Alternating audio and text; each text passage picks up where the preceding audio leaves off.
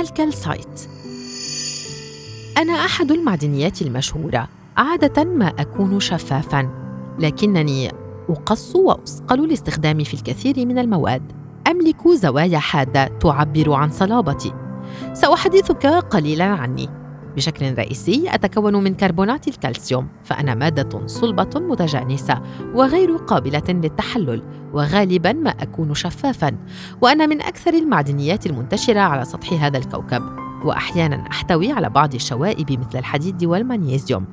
لي بريق زجاجي وعندما أكثر أصبح مسننا كما أن سطحي يمكن أن يكون ناعما وخشنا في الوقت ذاته. في الكثير من الأحيان أكون بشكل بلوري أو بشكل كتل كبيرة. شكل بلورات سداسي وهي متراصة ومكدسة فوق بعضها البعض وتشكلت بسبب عملية تسمى الترسب بفعل تبخر المياه التي كنت محللة فيها. أنا المكون الرئيسي للصخور الجيرية والرخام. ويمكن أن تجدني في الصخور الرسوبية. كما أنني أتواجد بعدة أشكال مثل الطبشور والحجر الجيري وأنا المصدر الرئيسي للجير في العالم.